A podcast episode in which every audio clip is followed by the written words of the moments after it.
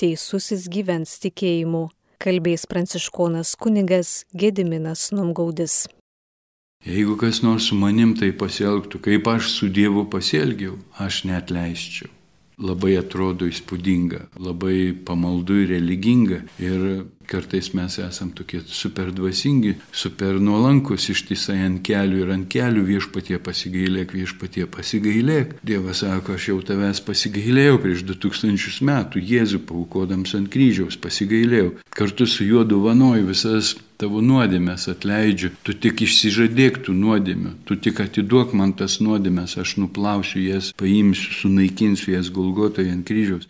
Ne, Dieve, aš pats turiu, aš pats turiu atgailauti už savo nuodėmės, aš pats turiu atsiteisti, aš per mažai to dariau, aš pats, tu negali man atleisti, nes aš neatleisčiau.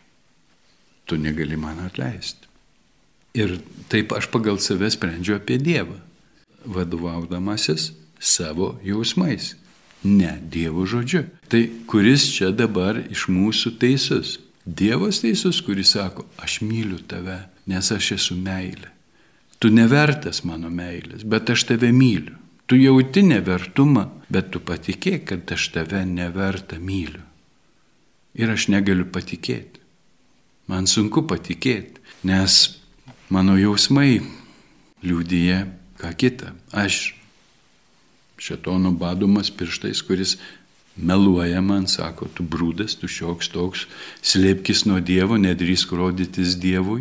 O Dievas sako, ateik pas mane, ateik nuogas, ateik purvinas, ateik kaip tas sunus palaidūnas nuo keulių, dvokintis mėšlų. Aš tave nuplausiu, aš tave nuvalysiu savo žodžiu, savo dvasia, savo meilę, savo krauju. Ir ar aš patikėsiu jo žodžiu, ar aš leisiu jam mane nuplauti, mane nuvalyti, ar aš pats, pats, aš pats, visur aš pats. Ir nepriimsiu Dievo meilės, nepriimsiu Dievo atleidimo, laikydamas save teisiu, Dievą aš laikau neteisiu. Dieve, tu negali, tu meluoji. Per Ociono Evangelijos pabaigoje sakoma, jeigu kas netiki bent vienu žodžiu, kuris užrašytas šitoj knygoj, Dievą laiko melagi. Taigi užsispyręs ant savo supratimo ir nusprendęs už Dievą apie Dievą, koks jis yra ir netikėdamas jo žodžiu, aš jį laikau melagiu. Ir atvirkščiai, kai aš patikiu Dievo žodžiu, kai Dievo meilė mane nugali, Ir aš bankrutuoju prieš Dievą, išpažindama savo bejėgiškumą, suprasti jį, suprasti jo žodį, suprasti jo meilę, suprasti jo gailestingumą, suprasti tai, ką jis daro ir tiesiog prašau viešpatie, pasigailėk manęs, atleisk man. Aš nesuprantu dalykų, bet tikiu, tikiu tavo žodžiu, tikiu tavo meilę. Tu įrodėjai savo meilę Golgotoje ant kryžiaus paukodamas Jėzų už mane kaltą, paukojai Jėzų šventą ir nekaltą. Kad jame man viską dovanotum, kad jo mirtimi mano nuodėmę sunaikintum, iš manęs paėmęs nuodėmę ir uždėjęs ant Jėzaus mano nuodėmę. Man sunku tą suvokti, kaip tai įmanoma, bet aš tikiu tavo žodžiu. Ir va, kai aš patikiu Dievo žodžiu, kai aš išpažįstu, kad Dieve, tu esi teisus. Ir aš tampu teisus Dievo akise. Sprantat, pripažinęs Dievą teisiu, aš tampu teisus. Kai pripažįstu Dievo versiją, Dievo matymą, Dievo žodį, Dievo tiesą, kai aš pripažįstu, priimu tikėjimu, nors ir nesuprasčiau, kaip tai įmanoma. Kaip Marija klausė angelo, kaip tai įvyks, kad aš nepažįstu vyrų. Nu, šventoji dvasia nužengs, aukščiausiojo šešėlis pridengs tave. Nu, labai čia daug kam, aišku, nuo to yra kam nors taip buvę, galit paaiškinti, tai Dievo slėpinys. Dievas padarys tą, tą, o kaip visa kita įvyks, jo reikalas. Tu tik patikėk, Ir dabar pasaulyje vyksta kažkokie procesai, gazdinantis mus procesai. Ir e, į kokią upę mes šoksim, į kokią srovę mes šoksim, į panikos, baimės, savęs, savisaugos, savigailos tą upę ir griepsimės šiaudo. Ar šoksime į Dievo srovę, kuri varo prieš pasaulį, pasiduodami nešami tos Dievo srovės pasitikėjimo Dievo meiliai panašiai turėsim labai skirtingas pasiekmes.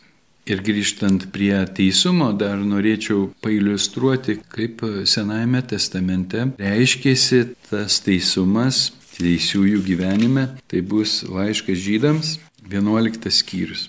Tikėjimas laiduoja mums tai, ko vilėmės, įrodo tikrovę, kurios nematome. Per jį protėviai gavo gerą liūdėjimą. Tikėjimu suvokėme, kad pasauliai buvo sutverti Dievo žodžiu. Būtent iš neregimybės atsirado regima. Tikėdamas Abelis atnašavo vertesnę auką negu Kainas ir tikėjimas jį paliūdijo esant teisų, nes pats Dievas patvirtino jo dovanas. Dėl tikėjimo jis ir miręs tebe kalba. Tikėdamas Henokas buvo perkeltas, kad neregėtų mirties ir žmonės jo neberado, nes Dievas jį perkelė. Mat prieš perkeliamas gavo liūdėjimą, jog patikęs Dievui, juk be tikėjimo neįmanoma patikti Dievui. Kas artinasi prie Dievo, tam būtina tikėti, kad Jis yra ir jo ieškantiems atsilygina. Dėl tikėjimo gavęs apreiškimą apie tuo metu nematomus dalykus pasistatė laivą savo šeimynai išgelbėti. Tikėdamas jis pasmerkė pasaulį ir paveldėjo tikėjimo teisumą.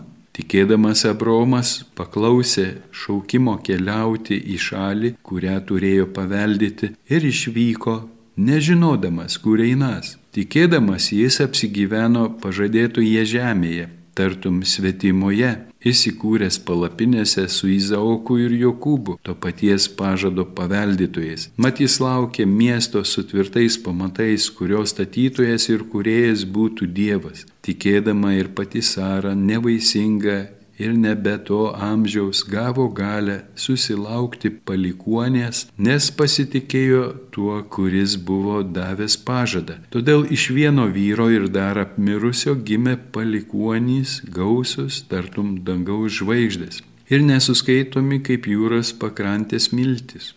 Jie visi mirė tikėdami, dar negavę pažadėtųjų dalykų, tik iš tolo juos regėdami, sveikindami ir išpažindami, jog jie žemėje svečiai ir ateiviai. Taip kalbėdami jie duoda suprasti, jog ieško tėvynės. Jeigu jie būtų minėję aną, iš kurios iškeliavo, jie būtų turėję laiko sugrįžti atgal, bet dabar jie troško geresnės tėvynės, tai yra dieviškosios. Todėl Dievui negėda vadintis jų dievu. Jis parengė jiems miestą. Tikėpdamas Abraomas atnašavo Izaoką, kai buvo mėginamas. Jis ryžosi paukoti net viengimi sūnų. Jis, kuris buvo gavęs pažadus, kuriam buvo pasakyta, tau bus duoti palikuonis iš Izaoko. Jis suprato, kad Dievui įmanoma prikelti net mirusius. Todėl atgavo sūnų kaip įvaizdį Taip pat Izaokas tikėdamas laimino ateičiai Jokūbą ir Ezavą, tikėdamas Jokūbas mirties valandą palaimino kiekvieną Juozapo sūnų ir parimo ant savo lasdos drūtgalio. Tikėdamas merdintis Juozapas paminėjo Izraelio vaikų išėjimą ir davė nurodymų dėl savo palaikų daug teisiųjų tikėjimo liūdimų ir visi tie teisėjai švento rašto herojai, kuriems buvo įskaityta teisumų jų tikėjimas, jie darė tikėjimo darbus. Tikėdami jie kažką darė. Abelis tikėdamas aukojo vertesnę auką negu kainas. Ir tai jam buvo įskaityta teisumu. Paštalas Paulius pradeda nuo Abelio. Ir mums klausimas, o kaip mano tikėjimas reiškėsi Abelio pavyzdžiu? Ar aš turiu Abelio tikėjimą. O kas tai per tikėjimas? Kodėl jis aukojo vertesnę auką? Kas tai buvo? Na, pabandykim įsivaizduoti. Šventas raštas pasakoja, kad Abelis buvo avių ganytojas. Gane vis. Jo brolis Kainas augino daržovės, žemdirbys. Ir va, Dievo žodis sako, Abelis aukojo vertesnę auką negu Kainas. Galbūt Kainas aukojo tai, kas jam atliko, tai ko jis labai nevertino, bet aukojo, neprikipsi, bet Abelis aukojo vertesnę auką. Galbūt Abelis norėjo paukoti tą juodą, tokį išsiskiriantį iš visų, tokį neklusnų, bet Dievas sako, ne Abelį, ne šitą tai kuri viešpatė. Gal tą dėmėtą, jis irgi toks nelabai kaip žiūrisi. Gal tiks? Ne, abelį. Gal tą raišą? Ne, abelį. Viešpatė, tu negali norėti to balto. Jis mano mylimiausias, aš jį ant rankų išnešiojau, jis gimė toks silpnas, aš jį taip puoselėjau, tiek širdies sudėjau, taip aš prisirišau, taip aš jį myliu. Ką? Ir jokio kito? Abeliui kainavo. Jis aukoja vertesnę auką. Dėkodamas Dievui už gyvenimą, dėkodamas Dievui už visą, ką jis davė, už visas tas savis, jis paukojo geriausią avinėlį, mylimiausią avinėlį, tą, kuris jam kainavo. O mano aukos. Prisimename palyginimą apie našlės katiką, kuri mažą pinigėlį įmetė Bet Jėzus sako, jį daugiausia paukojo. Išoriškai atrodo, jei nedaug paukoja, buvo turtingų, kurie aukojo gausiai, dosniai. Bet jis sako, daugiausiai paukoja, nes jai tai kainavo, nes tai galbūt buvo jos paskutinis pinigėlis. Ir jai reikėjo išstatyti savo gyvybę į pavojų, kaip tai našliai, pas kurią atėjo pranašas bado metu, kuri ruošiasi paskutinę miltų dozę suvartoti, išsikepusi paplotėlį, suvalgyti su sunum ir paskui buvo nusiteikusi jau mirti bado mirtimi. O pranašas sako, pirmiausia, man iškepsi paplotėlį, paskui jūs išsikepsit. Ir ji paskutinių miltų porciją iškepė pranašui. Tuo dar paskubindama savo ir savo sunaus mirtį, žmogiškum akim žiūrint. Jie atsisakė paskutinio šiaudo rankoje. Bet miltai nesibaigė. Kol tęsiasi badas, miltai ir aliejus pas našlę nesibaigė. Tai didelis Dievo stebuklas. Ir kas gali jį paaiškinti? Mes priimam jį tikėjimu. Ta našlė yra minima iki šiol dėl jos teisumo darbo, dėl jos tikėjimo, dėl jos paklusnumo Dievo žodžiui ištartam per pranašą. Tas, kuris pasitikė Dievu, jo meilę visose gyvenimo situacijose, aukoja Dievui vertą auką, tikėdamas, kad jam niekada nepritrūks. Tai yra jo tikėjimo išraiška.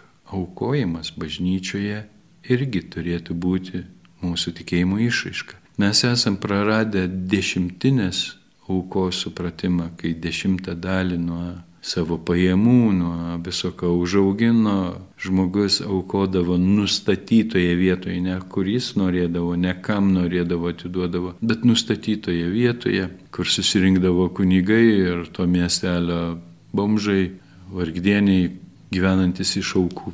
Ir jis jiems balių padarydavo, pamaitindavo juos tomis gerybėmis, padalindavo visiems geriausią dalį, dešimtinę, pirmienų atnešęs. Tuo jis išreikšdavo pasitikėjimą Dievu, kad visą iš Dievo gavo ir Dievui gražina tai, kas jam priklauso, ką Dievas nustatė per mūzę dešimtinę, kad Dievas būtų to žmogaus stogas, kad Dievas globotų jį, saugotų ir jam gerai sektųsi. Nu, va, tokia motivacija. Daugelis krikščionių irgi iš evangelinių bažnyčių laikosi tos tradicijos dešimtinės aukojimo kaip tikėjimo ir dėkingumo išaiškos.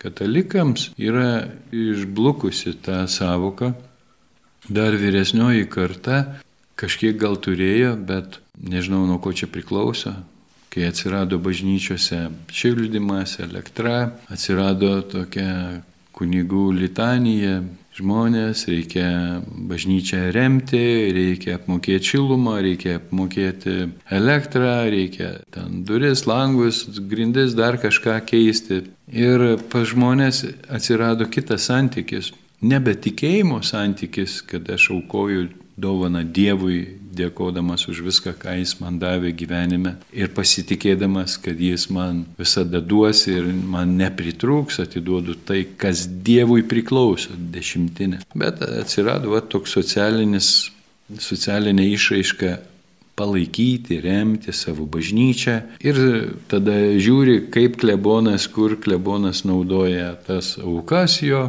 Paprašė stogų, jau nusipirko mašiną, skandalas, mes daugiau niekada jam nebeaukosim, viskas išsikreipia, išsivarto ir žmonės praranda aukojimo santyki. O pirmiausia, reikia atsiminti, kad tai, ką aš paukoju Dievui, gali būti sunaikinta, ar turėtų būti sunaikinta, taip kaip gyvulį aukodavo, sudegindavo. Dalį mėsos paimdavo kunigai, iš aukos gyveno ne tik iš dešimtinės, bet ir iš šventyklą atneštų aukų dalies. Dešimtinė žydai buvo įsipareigoję ypač pat sugrįžę į Jeruzalę po tremties prie Nehemijo ir iš, iš tos dešimtinės buvo išlaikoma, sakykime, policija, tai miesto vartininkai, vartų saugotojai, gėdotojai, šlovintojai ir kunigai. Jie neturėjo žemės, jie negalėjo užsiauginti, jie turėjo tokią nuolat įpareigojančią tarnystę, melstis už tautą, šlovinti Dievą, saugoti miestą ir todėl dešimtinė surinkta į šventyklos išdą ėjo tų trijų socialinių grupių išlaikymui, mokant jiems algas. Bažnyčioje šiandien nelengva parapijose, pavyzdžiui, su algomis. Aišku, kunigai nenusiskriaus, jie pirmiausia savo išsimokės algas, o patarnautojams minimumai, simboliškos aukos. Ir bažnyčioje niekas nenori dirbti už minimumą, o norisi bažnyčioje turėti kūrybingus žmonės, aktyvius žmonės, ne kas pakliuvo, o orios algos jiems mokėti. Nesinori, nėra iš ko ir todėl viskas apvelta pas mus. Taigi mes esam praradę aukojimo supratimą kaip tikėjimo išraišką. Tada kaip su mūsų teisumu Dievo akivaizdoje, kiek mes jį vertinam, ką mes iš draugystės, iš dėkingumo jam atnešam, kokią dovaną. Tai, kas mums atlieka, simboliškai pliusiuką pasidėti.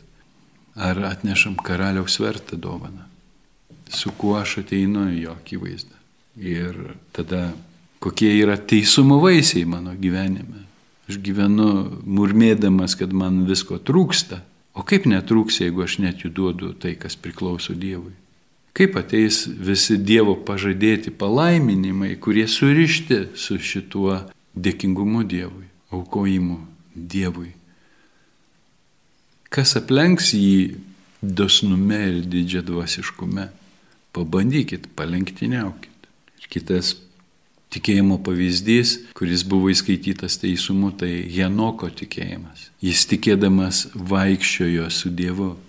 Nebesileisiu į detalės. Čia irgi graži istorija galėtų išsivartyti. Paminėsiu kažkutį. Jis buvo artojas berots, arė laukus ir vaikystėje jis girdėjo, kaip jo prosenelis Adomas vaikščiojo su Dievu rojuje ir Dievas žiūrėjo, kaip Adomas pavadins jo sukurtus kūrinius. Ir Henokas taip norėjo vaikščioti su Dievu kaip senelis. Ir vieną kartą žiūri jo namiškiai, Henokas jau solidaus amžiaus vyrukas, arė vienu galbūt ranka laikydamas arklą, o kita ranka su kažkuo už parankis, nematomu. Su kažkuo šnekasi vienas.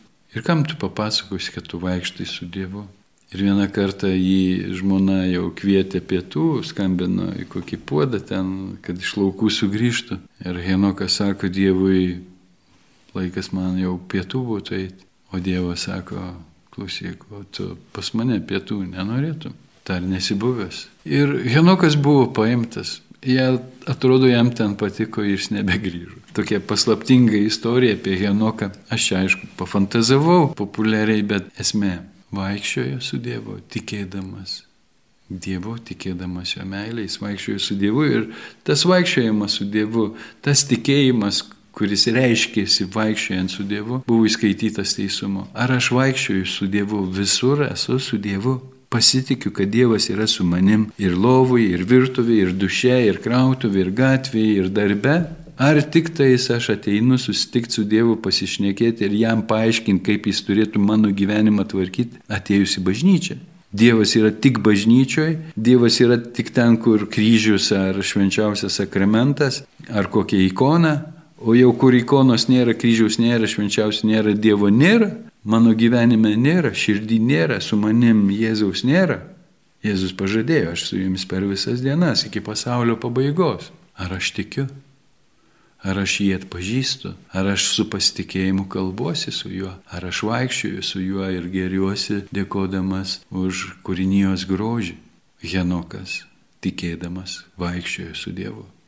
Nojus pasmerkė savo kartos papročius tą pasaulį ir nors kvailių laikomas galbūt buvo savo kaimynų ir draugų, statė arką, laukdamas tvano, tikėdamas Dievo žodžiu ir visi šaipėsi. Nojau, koks tvanas, iš kur? Jis darė savo darbą, tikėdamas Dievo žodžiu ir tai jam buvo įskaityta teisumo. Jis nepakluso madai, jis nepakluso visuomenės vertybėms, požiūrėms ir panašiai. Jis paniekino savo kartos papročių, nes jie buvo nuliūdinę viešpatį, jie buvo pagadinę žemę, pagadinę savo kelią, jie darė neteisybę ir Nojus atsiribojo nuo jų arkos statymo. Ir pagaliau pačią arką Dievas jį atripojo nuo viso to chaoso, nuo tos mirties, kuri ištiko Nojaus kartą, Nojaus pasaulį. Taigi mums reikia mokytis iš švento rašto teisiųjų tikėjimo liūdėjimo pavyzdžių, sekti jų pavyzdžių, atpažįstant, kaip aš galiu tai pritaikyti savo gyvenime, kaip tai reiškėsi mano gyvenime. Bet Čia yra gyvenimo mokykla, teisumo mokykla. Be teisumo neįmanoma patikti Dievui. Teisumas yra pirmas laiptelis dvasiniam gyvenime, ant kurio atsistojęs aš jau galiu susikalbėti su Dievu. Kol aš nepriimu Dievo žodžio kaip absoliutaus autoriteto, kol aš nepatikiu, kad Dievas gali išpildyti tai, ką pažadėjo, aš su Dievu nesusišnekėsiu. Aš jam galiu aiškinti, ką jis turi daryti, bet jis manęs neklausys. Daug gali teisiojo malda, sako Dievo žodis. Bet jeigu aš nesu teisus Dievo akise, mano malda berikščia, aš net nežinau, ko prašyti. Jėzus juk moko melstis pagal Dievo valią. Ne pagal savo supratimą ar pagal savo užgaidą, bet pagal Dievo valią. Taigi, mano broliai sesės, Turim laiko, dar turim laiko, bet nedaug. Reikia kuo greičiau mums užimti teisingą poziciją Dievo atžvilgiu. Nuspręst, nustot, spręst už Dievą apie Dievą. Pirmiausia. Ir priimti, prašyti Dievo šventosios dvasios, kad jį padėtų tikėjimu priimti jo versiją, jo tiesą, jo žodį, jo pažadą, pasitikint jo meilę pasitikint jo neribotą jėgą, kad tai, ką jis pažadėjo, išpildys. Tai yra mūsų dvasinio gyvenimo pagrindas. Be jo joks dvasingumas nėra vaisingas ar gyvas. Galim mes pseudo dvasingumą pamaldžiuose pozose susikurti, teisingus tekstus išmokti, bet nebus gyvo vaisingo santykio su Dievu be šventosios dvasios pagalbos be įtikėjimo visa širdim, jo žodžiu, jo pažadu, jo meilę, jo teisingumu, jo teisumu. Amen.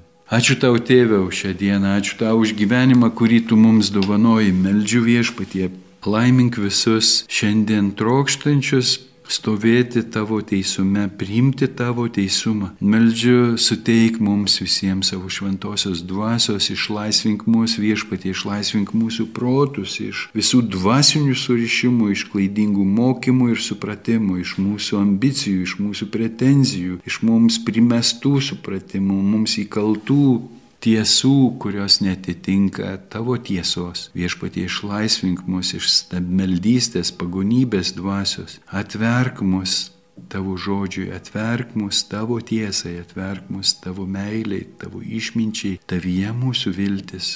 Jėzaus Kristaus vardu prašome tave, tėve, pasigailėk išlaisvink mus iš nepaklusnumo, iš įkalinimo nepaklusnume, išlaisvink mus viešpatie ir palaimink mus paklusnumu, nuolankumu, tavo tiesai, tavo meiliai, Jėzaus Kristaus vardu melžiam